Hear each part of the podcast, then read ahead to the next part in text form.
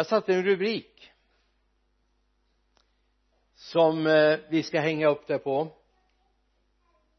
Bli den du är skapad till. Bli den du är skapad till.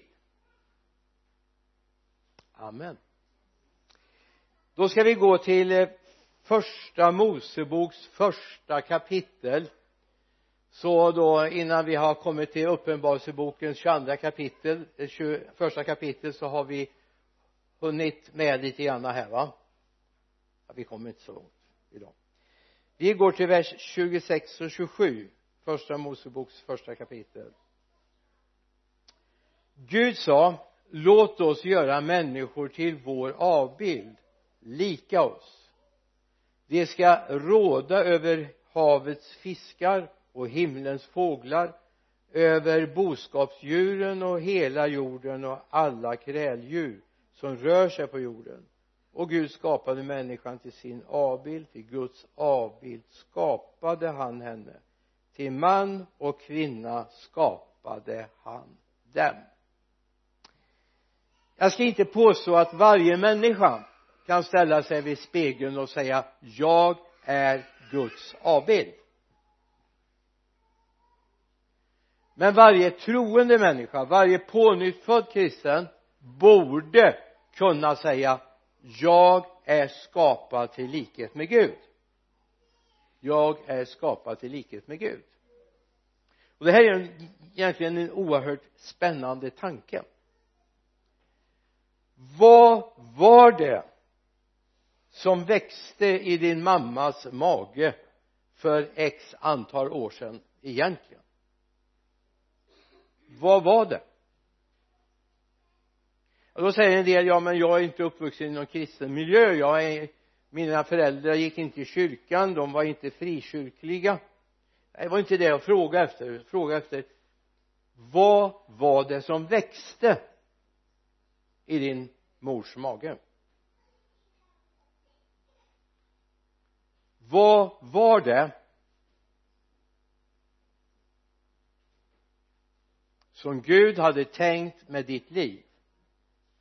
Jag är sån så jag tänker så här det finns inte så här en enda människa som har blivit till av en slump. Utifrån mänskligt perspektiv kan det vara så. Man blev bara gravid. Oj. Men det finns en Gud som står bakom livet. Och utan Gud hade inte du levt utan Guds mirakel hade inte du varit till. Så vad var det som växte i din mors mage? Om det nu är så här att Gud hade en tanke med ditt liv låt den hänga så länge den frågan. För jag är inte säker på att du riktigt är med mig från början här men hoppas vi ska bli överens innan den här predikan är avslutad om ett par tre timmar. Nej inom en timme. När jag var grabb så hade jag en storebror. Hade den ganska länge till 2009 när Herren behagade ta hem honom.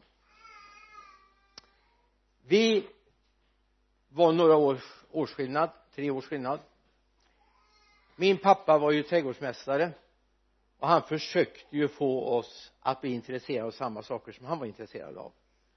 Det var väl lite knapert ska jag väl ärligt erkänna men eh, lite försök gjorde vi. Bland annat så fick vi varsitt land som vi fick så och plantera i ganska väl tilltaget. Allt i akt och mening för att vi skulle bli intresserade av trädgårdsskötsel men man blev så smutsig om fingrarna när man höll på med sånt. Och man blev så torr om händerna man tvättade sig för ofta. Så det var inte så roligt. Men när vi på våren gjorde i ordning det här landet med pappas hjälp och så började vi så saker. Morötter det var sallad. Till och med jag tyckte om blommor så det var lite ringblommor också. Och du vet om man köper en fröpåse ute i affären så finns det oftast en väldigt fin bild. Så här ska blommorna se ut. Så här ska morötterna se ut.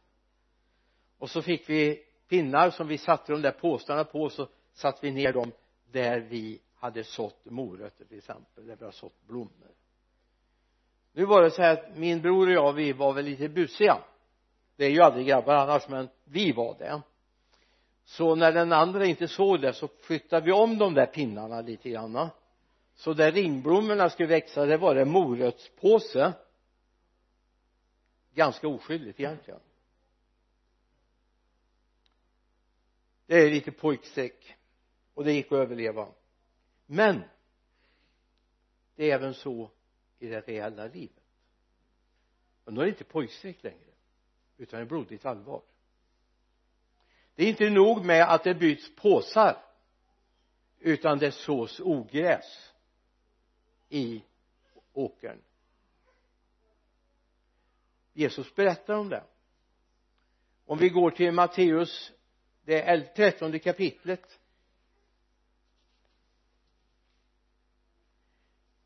Från vers 24 han la fram en annan liknelse för dem. Himmelriket är som en man som sådde god säd i sin åker men medan folket sov kom hans fiende och sådde ogräs mitt bland vetet och gick sedan sin väg. När säden växte upp och gick i ax visade sig också ogräset. Om vi tänker så här ditt hjärta ditt sinne är som en åker som är besådd. Redan från det du föddes fanns det en tanke med ditt liv. Det fanns en sådd med ditt liv. Och så finns det en ovän som vill så in någonting annat i din åker. Och är du inte vaksam så kommer du skörda ogräs istället. När jag lite senare i mitt liv skulle försöka att hjälpa pappa fortfarande i pappas ambition att eh, jag skulle bli en bra trädgårdsmästare vilket jag aldrig blev så skulle jag vara med och rensa. Och ni vet ett sånt där litet trädgårdsland som man har hemma vid huset eller en rabatt i eller en, en balkonglåda. Jag menar vi hade morotsland som var hundra meter långa och ligga och krypa och där ska man rensa eftersom mitt öga inte var speciellt tränat så var det nog så här att en och annan morot åkte upp medan ogräset var kvar. Och så här kan det vara med oss om vi är omedvetna. Så kan det vara så här att vi inte riktigt tar vara på det som Gud har sått in i våra liv. Och vi rensar bort det Gud har sått in. Eller vi vårdar inte det Gud har sått in utan vi vårdar mer ogräset som fienden, ovännen har varit och sått in. Både på grund av att vi är otränat öga otränade sinnen men också slarvighet omedvetenhet. Jag blir lite förvånad ibland när jag möter kristna syskon som håller på med helt sjuka saker egentligen. Helt felaktiga men det är så här det finns en ovän. Det finns för varje människa. Tjuven kommer. Tjuven kommer. Det är inte bara kanske han kommer. Han kommer. Vi hörde den undervisningen här om fredagskvällen. Och då är det två saker som den onde gärna vill så in i våra liv. Att inte bry sig om att lyssna till undervisningen att inte vara deltagare utan känna efter när det passar att gå på gudstjänsten. Och är det nu så att jag lyssnar på undervisningen så handlar det om lydnad. Att våga lyda det ordet säger. Och då är det två saker. Att vara lyhörd för det som sägs men också att läsa själv. Att vara noga med att läsa det bibeln säger för annars är jag ju ett slagfält för ovännens sådd. Därför ser det väldigt olika ut i många kyrkor idag. Allt möjligt växer upp. Allt blir godkänt. Allt är tillåtet. Okej okay, bibeln säger att allt är inte nyttigt. Men vi vakar inte över det. Varför då? Jo därför att vi har låtit ovännen så in saker mycket annat tar uppmärksamheten. Annat är viktigt. Men var tog han vägen? Han som är vårdare. Han som har en grundtanke för ditt liv. Du som är född med en tanke från Gud. Kan du ta med den här tanken? Att den dagen du blev till så hade Gud en ta tanke med ditt liv. Gud hade en tanke med ditt liv. Han ville någonting med ditt liv. Du är inte utslängd av en slump i tillvaron. Gud hade en tanke. Vågar du pröva dig inför den tanken vad Gud vill med ditt liv? Vad Gud har för någon tanke med ditt liv? Så att inte ovännen får allt för mycket utrymme i ditt liv i ditt känsloliv. allt för ofta är det känslorna som styr våra liv. Allt mer än vad det borde göra. Det är viktigt att vi ser Gud har sått in någonting i dig. Den dagen du tog emot Jesus till frälsning då sa Gud yes nu kan jag börja göra det jag hade tänkt med honom eller henne den dagen du säger ja till Jesus så var det inte bara liksom en sån där grej bara för att den dagen Jesus kommer tillbaka att du får komma till himlen. Den är jätteviktig. Den är jätteviktig att du har det med dig. En dag ska vi hem till himlen. Men resan dit är viktig. Vad gör du av ditt liv? Tänk om Paulus som gör den där märkliga omvändelsen borta i Damaskus eller på vägen till Damaskus. När Jesus uppenbarar sig för honom och säger jag är Jesus den du förföljer. Om det är så att det är så du känner det att okej okay, Gud det räcker här nu nu är jag frälst nu är jag på väg mot himlen. Men det räcker inte. Du har en resa dit. Vad gör du av den? Tänk om Paulus hade struntat i och sagt ja nu är jag på väg till himlen. Nu behöver jag inte göra mer. Men så är det inte. Utan då börjar resan. Då börjar ditt jobb. Du har ett jobb att göra innan du är hemma i himlen. Var det någon som sa använd till det? Du har ett jobb att göra innan du är hemma i himlen. Redan i embryot som var du får jag använda den här bilden? Nu alltså det var så länge sedan vi fick alltså 37 år sedan vi fick vårt sista barn. Så det, det är ju ett det är ju ett antal år sedan och det ser säkert helt annorlunda ut på förlossningsavdelningar idag än vad det gjorde då. Nu har de väl maskiner som fixar det förstår jag men det var det inte då. Då fanns det en sån här plast korgar eller plastlådor höll jag på att säga genomskinliga som det lilla barnet låg i. Kan du tänka dig tanken? Att redan när barnet ligger där kan man sätta upp en sån där liten lapp där det står vikt för en gudstjänare en profet en Guds lärare en församlingsbyggare en omsorgsmänniska kan du tänka den tanken? Om du går upp på förlossningsavdelningen och så ser du alla de här korgarna barnen ligger i. De är ju väldigt kort tid där nu mot vad det var förr va? Kan du tänka dig att i Guds värld och Guds tanke finns en sån lapp? Finns en sån skylt om det lilla barnet därför Gud har en plan för varje människa. Frågan är om vi ser det. Om vi tänker på det. Om vi bekymrar oss för det överhuvudtaget. Låt oss läsa några bibelord. Galaterbrevet 1.15 här skriver Paulus. Han som i mogen ålder kom till tro på Jesus där borta i Damaskus när han var på ett helt annat uppdrag. Då står det så här men han som utvalde mig redan i moderlivet och som kallade mig genom sin nåd beslöt att uppenbara sin son i mig för att jag skulle förkunna evangeliet om honom bland hedningarna. Då rådför jag inte genast människor av kött och blod. Kan du se det? Det här var Guds tanke. Det här var Guds tanke.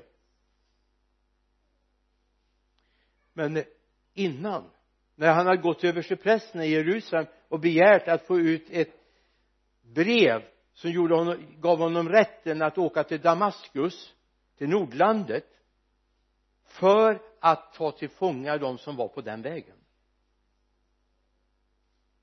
Det här var alltså innan han var på den här galna vägen så hade Gud en tanke med hans liv. Redan i moderlivet utvalde han mig och kallade mig genom sin nåd och beslöt att uppenbara sonen i mig för att jag skulle förkunna evangeliet om honom bland hedningarna. Får jag tänka högt? Ja det gör jag jag vet inte på vilken resa du är.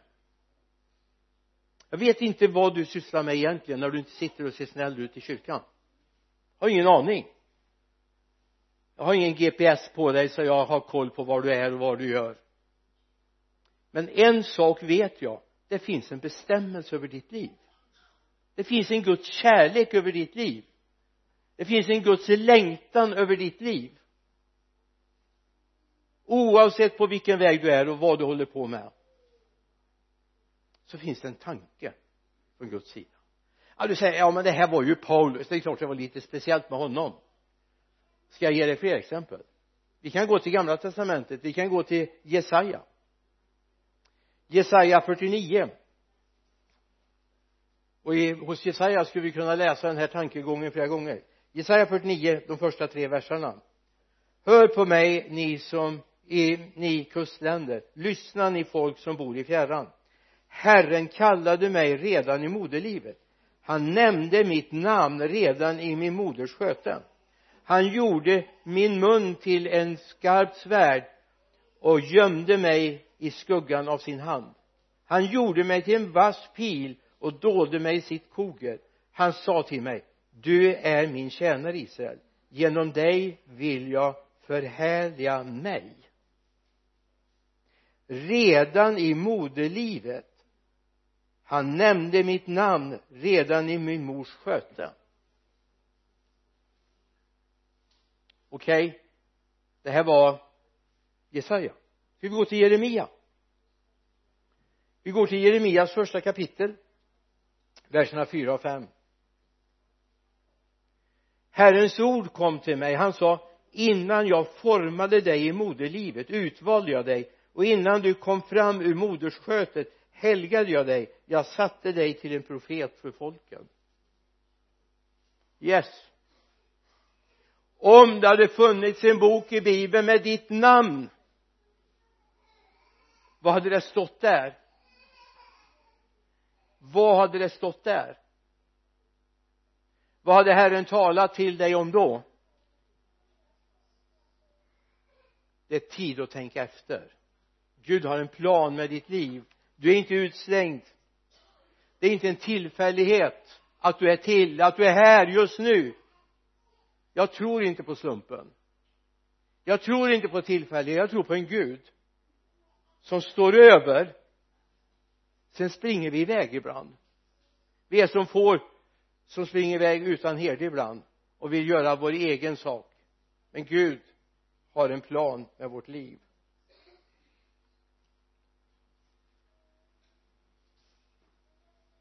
Lyssna.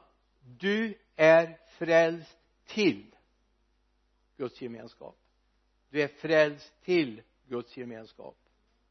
Du är frälst till.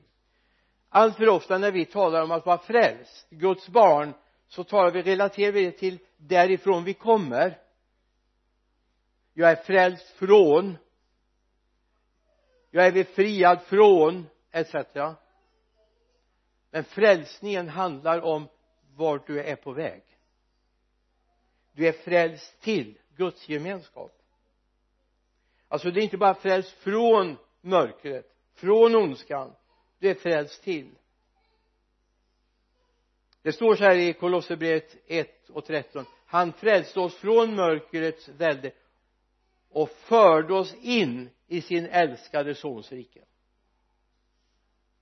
Okej? Okay, jag är frälst från någonting men framförallt jag är frälst till Guds sons rike.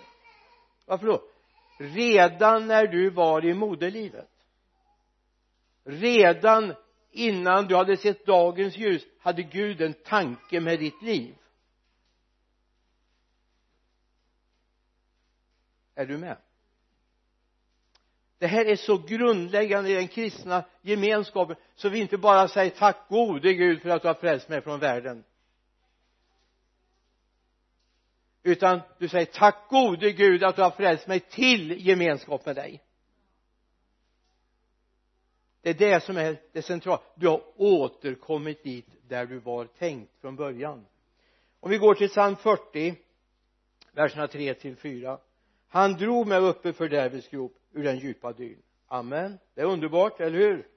Men så är det gott att det står mer han ställde mina fötter på klippan. Han gjorde mina steg fasta. Han la en ny sång i min mun en lovsång till vår Gud. Många ska se det och frukta och förtrösta på Herren. Observera. Det som gör att människor ska börja reagera på Gud det är att människor ska börja se storheten är inte att du är uppdragen ur fördärvets grop utan någonting har hänt i ditt hjärta när han ställde dig på fast grund. Han gjorde ditt livs steg fasta och han la en glädje i ditt hjärta en lovsång till din Gud. Då ska människor se det och häpna. Och det tror jag är viktigt att vi får tag i det här. Vi får viktigt att vi får tag i att Gud faktiskt har gjort någonting i våra liv varför då redan när du var i moderlivet hade Gud beslutat någonting över ditt liv. Och att du är där du är idag om du går med Gud är därför att han är på väg att föra in dig i den plan, den tanke han hade redan innan du var född. Redan innan du var född. I andra korinterbrevets femte kapitel läser vi vers 17 om någon är i Kristus är han alltså en ny skapelse. Det gamla är förbi något nytt har kommit. Och allt kommer från Gud som har försonat oss med sig själv genom Kristus och gett oss försoningens tjänst. Här för Paulus ytterligare ett steg. Det är inte nog med att du har blivit försonad du har blivit en ny skapelse. Det gamla är borta. Nu bryr vi oss inte om det vår identitet är inte vårt gamla liv det är vårt nya liv. Den nya skapelsen det är vår identitet. Så har du inte kommit dit så har du ingen identitet. Vi ska inte identit göra vår identitet trolig genom att relatera till den här världen. Utan till det nya. Du är skapad till någonting nytt. Och då har han också när du upplevt det så har han också gett dig ett förtroende. Har gett, han har gett dig ett förtroende förtroendet att presentera försoningens budskap. För att du är där du är är på grund av Guds försoning, eller hur?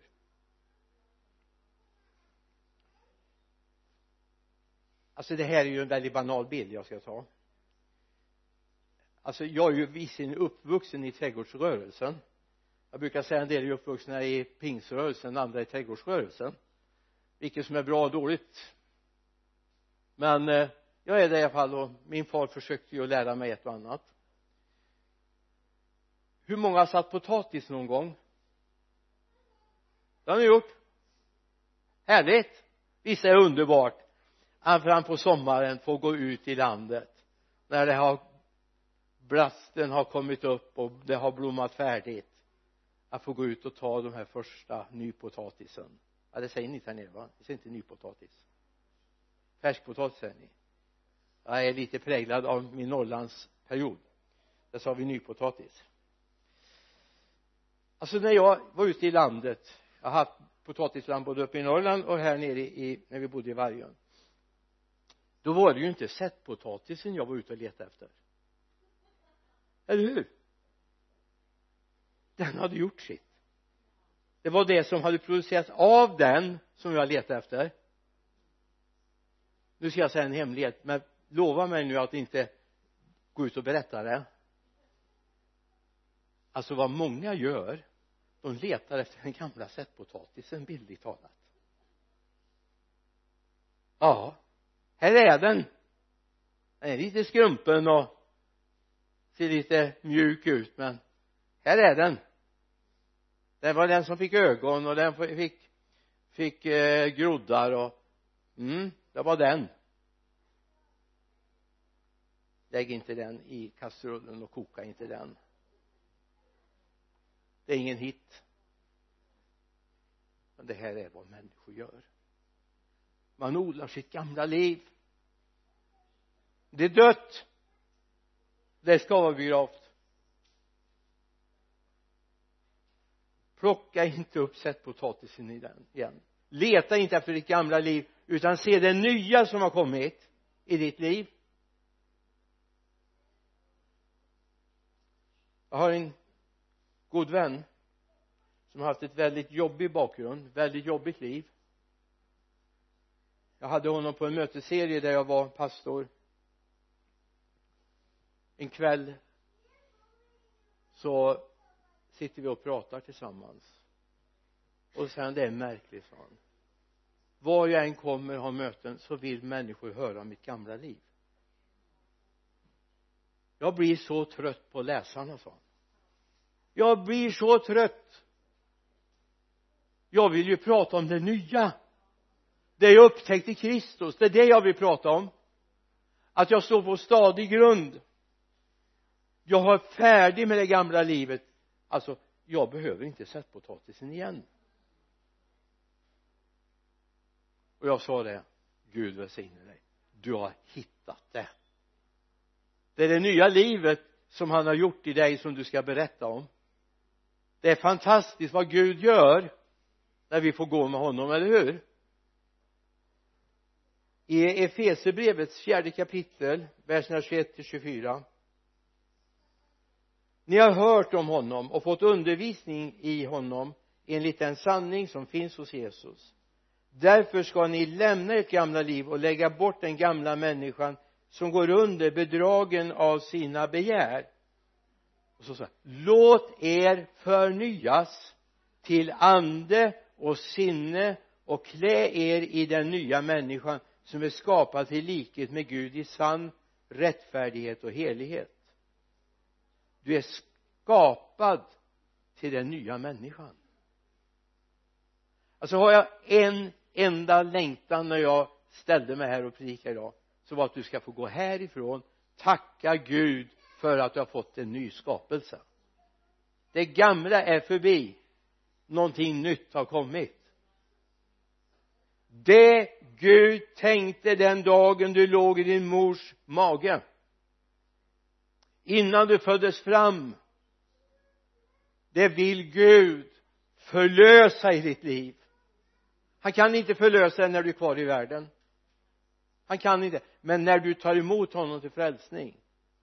Frälsning är egentligen ett helt fantastiskt begrepp. Alltså allt för lite har vi riktigt förstått vad frälsningen handlar om.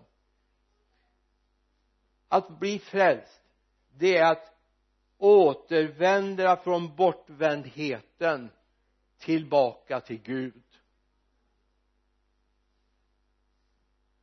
Tillbaka till Gud det är att vara frälst.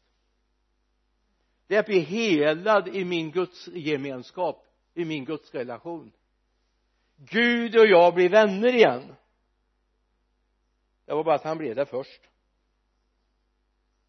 Vi älskar därför att han först har älskat oss säger Johannes i sitt första brevs fjärde kapitel vers 19 en av de absolut finaste berättelserna, bilderna vi har i nya testamentet av frälsningen har du i Lukas 15 det vi kallar för liknelsekapitlet. Som börjar med ett av hundra ett av tio och en av två. En man hade hundra får ett försvann han gick ut och sökte det. En kvinna hade ett diadem med tio silvermynt det var hennes bröllopsring kan man väl säga. Hon tappade en av de pengarna. Hon letar, hon sopar hela huset tills hon hittar det. Och sen blir hon jätteglad så hon bjuder in alla grannar och vänner på fest. För hon har funnit det. Och sen kommer det från vers 11 en far har två söner vi skulle kunna läsa hela sammanhanget från vers 11 men jag börjar på vers 18 jag tror du kan den här berättelsen så väl. När han då har kommit till insikt den här sonen som hade sprungit bort och säger jag vill stå upp och gå hem till min far och säga till honom far jag har syndat mot himmelen och inför dig. Jag är inte längre värd att kallas din son. Låt mig få bli en som en av dina arbetare och han stod upp och gick till sin far. Medan han ännu var långt borta fick hans far se honom och förbarma sig över honom. Fadern skyndade fram omfamnade honom kysste honom. Sonen sa till far far jag har syndat mot himlen och inför dig. Jag är inte längre värd att kallas din son. Men fadern sa till slut sin tjänare skynda er ta fram den finaste dräkten klä honom sätt en ring på hans finger och skor på hans fötter och hämta gödkvallen kalven och slakta den. Nu ska vi äta och fira för min son var död men har fått liv igen. Han var förlorad men är återfunnen och festen började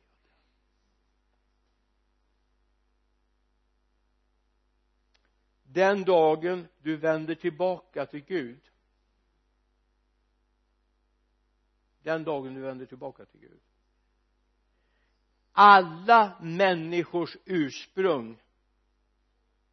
Alla människors ursprung är Gud. Djävulen föder inga barn. Djävulen för inga barn till den här världen. Allt kommer från Gud. En del är bortrövade på fel, fel väg så alla som blir frälsta har återvänt till Gud. Amen. Precis som den förlorade sonen här. Eller återfunna sonen. Använd vilken epitet du vill. Alltså när du tar emot Jesus och blir Guds barn när du blir Guds barn så är du återförd till Guds ursprung jag har varit ute och haft mötesserier och väckelseserier. Får se människor bli frälsta. Och det är mer än en gång som jag har hört människors vittnesbörd. När jag tog emot Jesus var det som att komma hem. Det var som att komma hem. Och det är den längtan jag har att du som har tagit emot Jesus att du ska känna att jag har kommit hem jag är hemma. Jag är i mitt ursprung. Därifrån jag ändå rymde tog mig ifrån lämnade blev besviken på och så vidare. Jag möter mängder av människor som är besvikna på Guds församling som är besvikna på andra kristna. Men det beror ju ofta på att man har satt fokus på fel sak. Man har inte satt den på Jesus utan på människor men det är så gott. Även om du skulle vara besviken på 58 stycken. I rakt nedstigande led höll jag på att säga. Så kan du få återvända. Och du kan få känna det är som om jag kommit hem. Du är åter och det är frälsningens grundprincip.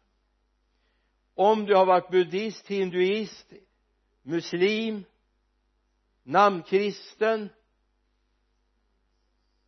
trott på koffa, eh, de kinesiska gudarna. Så är ditt ursprung är Gud. Om du är uppvuxen i ett muslimskt eller ett buddhistiskt hem eller ett shintoistiskt hem eller ett hinduiskt hem så är ditt ursprung Gud. Därför frälsningens hälsningar du ska komma hem. Du ska komma hem. Därför att redan i moderlivet hade Gud en plan, en tanke med ditt liv.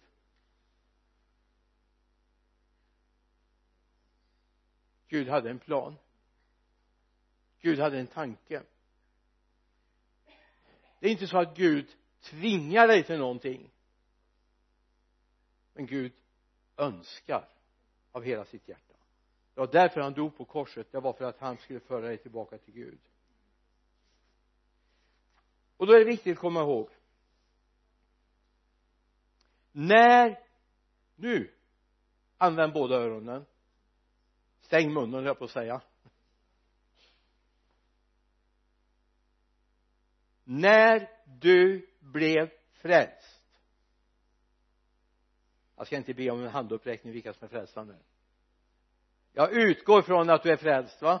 Guds barn.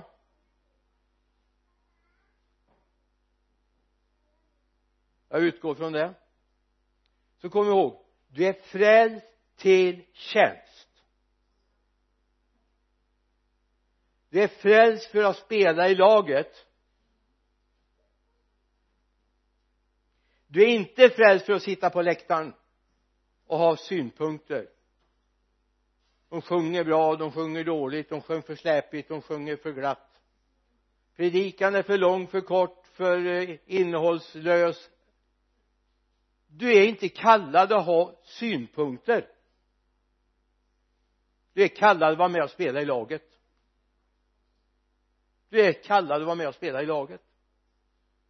Tänk dig in i bilden att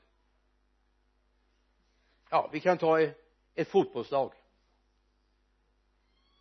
Och så tycker målvakten att de är alldeles för mycket på den andra anfallssidan så att jag kan ta paus. Alltså jag går och lägger mig i gräset bakom målet och solar istället.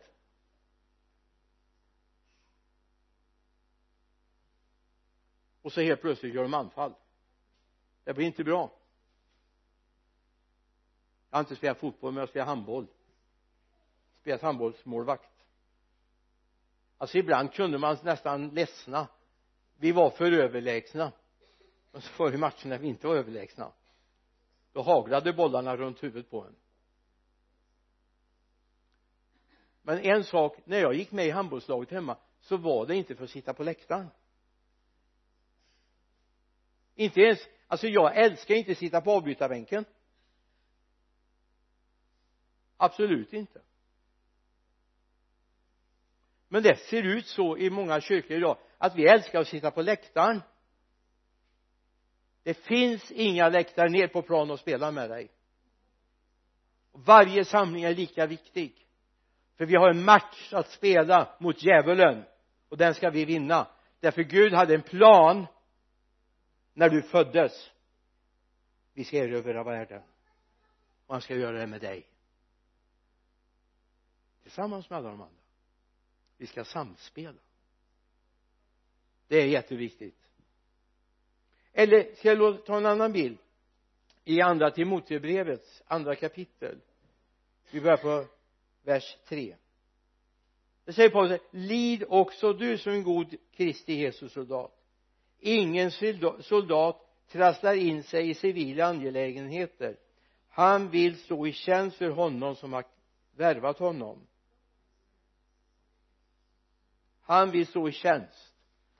Låt mig få ta bilden av en soldat. Om du ställs på en plats som soldat jag är pacifist så att det, det här är lite tufft för mig att prata om då va?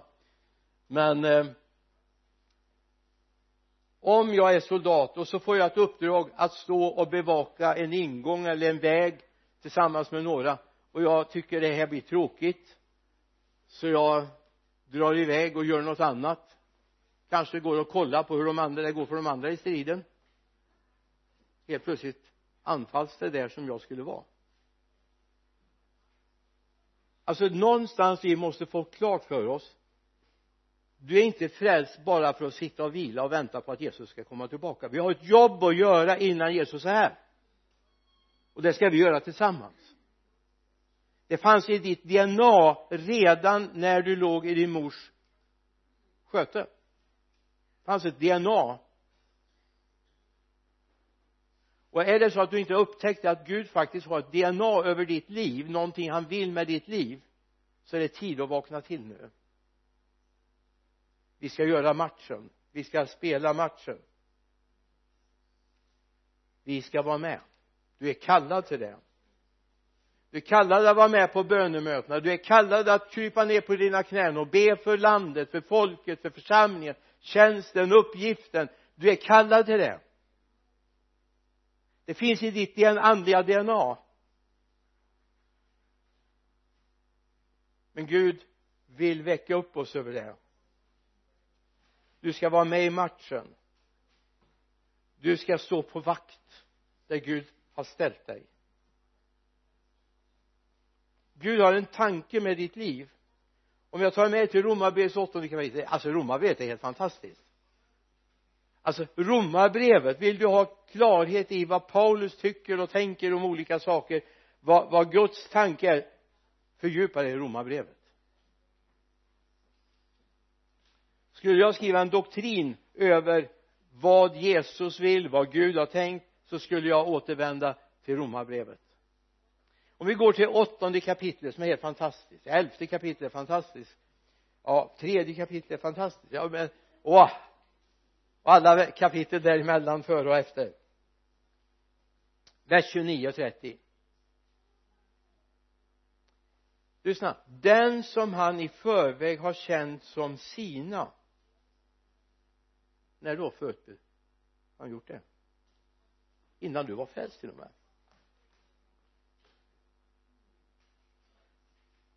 Och också förbestämt till att formas efter hans, eh, hans sons bild. Så att sonen blir den förstfödde bland många bröder. Och den som han förutbestämt har han också kallat. Och den som han har kallat har han också förklarat rättfärdiga. Och den som han har förklarat rättfärdig har han också förhärligat. Ser du vägen? Gud har en tanke. Han har förutbestämt någonting och när du säger ja till den förutbestämmelsen okej okay, Gud inte för jag fattar allt det här men är det din tanke så är det okej okay, Gud jag ställer upp. När du gör det då förhärligas du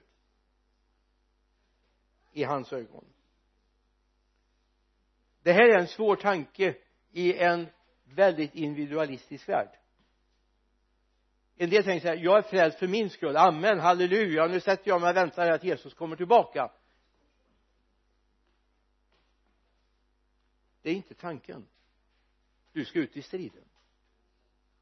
Du är frälst för att vara med i striden. Du är frälst för att vara med på bönemötena. Du är frälst för att vara med och tjäna. Därför vi har en kamp som ska vinnas. Den här världen ska vinnas för Jesus människor som ännu inte känner honom ska få lära känna honom. Det är inte okej okay att i tusen år har den kristna kyrkan funnits i Sverige. Och 90 procent känner inte till vad församlingen är. Det är tid nu. Det är tid nu. För jag vill inte komma hem till himlen och säga ja du vet vi gjorde så mycket vi kunde Gud. Jag menar vi var ju tvungna att sköta om sommarstugan också. Vi var ju tvungna att sköta om båten. Vi var ju tvungna att åka på semester. Vi var ju tvungna tror du det går hem? Gud undrade jag var ledig. Okej. Okay. visst helt okej. Okay. men inte från kampen. Inte från striden, inte från matchen. Inte från matchen. Därför är det viktigt att vi upptäcker det. Om vi går till första Petrusbrevets andra kapitel. Jag tycker det är underbart. 9, verserna 9 och 10 första Petrus 2, 9 och 10 men ni är ett utvalt släkte, ett konungsligt prästerskap, ett heligt folk, ett Guds eget folk för att förkunna hans härliga gärningar. Han som har kallat er från mörker till sitt underbara ljus. Ni som inte förr inte varit folk är nu Guds folk ni som inte hade fått barmhärtighet har nu fått barmhärtighet. Wow vilken grej! Jag menar yes det här är grejer det. Men ni som är, ni är ett utvalt släkte ett konungsligt prästerskap. Ett heligt folk, ett Guds eget folk för att förkunna hans härliga gärningar. Han som har kallat er från mörkret till sitt underbara ljus. Wow vilka grejer! Hallå är ni vakna? Ni borde gjort vågen nu. Vi är Guds eget folk. Wow vi är Guds egendom. Jaha. Må det.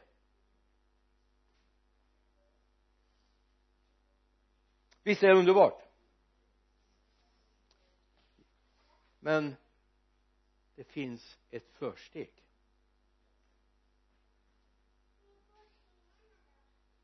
Man intervjuade en av våra skidåkare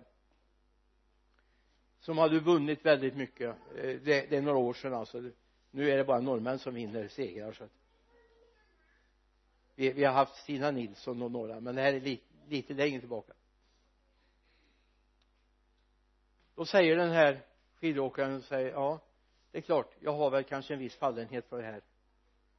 Men det är mycket träning. Jag vaknar på måndag morgon. Jag ska göra två pass den dagen. För jag kanske har varit på tävling lördag söndag. Och sen har du aldrig någon ledig dag? Nej det har jag inte. För jag vill vinna. Jag vill vinna. Om jag säger så här det här är som att vara segrare men ni är ett utvalt släkte, ett konungsligt prästerskap, ett heligt folk, ett Guds eget folk för att förkunna hans härliga gärningar. Han som har kallat er från mörkret till sitt underbara ljus. Det här var andra kapitlet i första Petrusbrevet. Hemligheten har du i första kapitlet. Hemligheten. Den vi inte vill höra talas om. Vi vill bara vinna segrar alltså jag, när jag spelade handboll så hände det ett par gånger att vi vann på walkover. Då tyckte man bara har jag tränat i onödan? Det var när vi var långt ner i seriesystemet. Men i första kapitlet om vi går till vers 4 och 5 kom till honom den levande stenen förkastad av människor men utvald och dyrbar inför Gud och låt er själva som levande stenar byggas upp till ett andligt hus. Ett heligt prästerskap som ska bära fram andliga offer som Gud tar emot med glädje genom Jesus Kristus. Låt er själva som levande stenar byggas upp. Ska jag säga det ännu mer rakare låt er som levande stenar slipas till formas så ni passar i bygget det är inte du som bestämmer hur stenen ska se ut det gör han. Därför har jag alltid tid att umgås med Gud för att han ska få bestämma hur stenen ska se ut. Hur jag ska formas. Jag fick häromdagen ett tack för en sak jag hade gjort. Och så säger den här personen då som skriver till mig hur orkar du? Och jag fattar inte riktigt vad de frågade jag skrev bara så här det här är Guds DNA i varje kristen. Att se lite grann utanför sig själv och sitt eget liv. Att räcka ut en, räcka, räcka ut en hand. Det är ju det vi är skapade för. Därför Gud har lagt ner ett DNA i ditt liv redan i moderlivet. Om vi återgår nu till den första bibelversen jag läste har ni glömt av nu vad det var jag började någonstans första Mosebok 1 och 26 Gud sa låt oss göra människor till vår avbild. Lika oss. De ska råda över havets fiskar och himlens fåglar över boskapsdjuren och hela jorden och alla kräldjur som rör sig på jorden. Och Gud skapade människan till sin avbild till Guds avbild skapade han en till man och kvinna skapade han dem det här är Guds grundtanke med ditt liv. Du är skapad till likhet med Gud.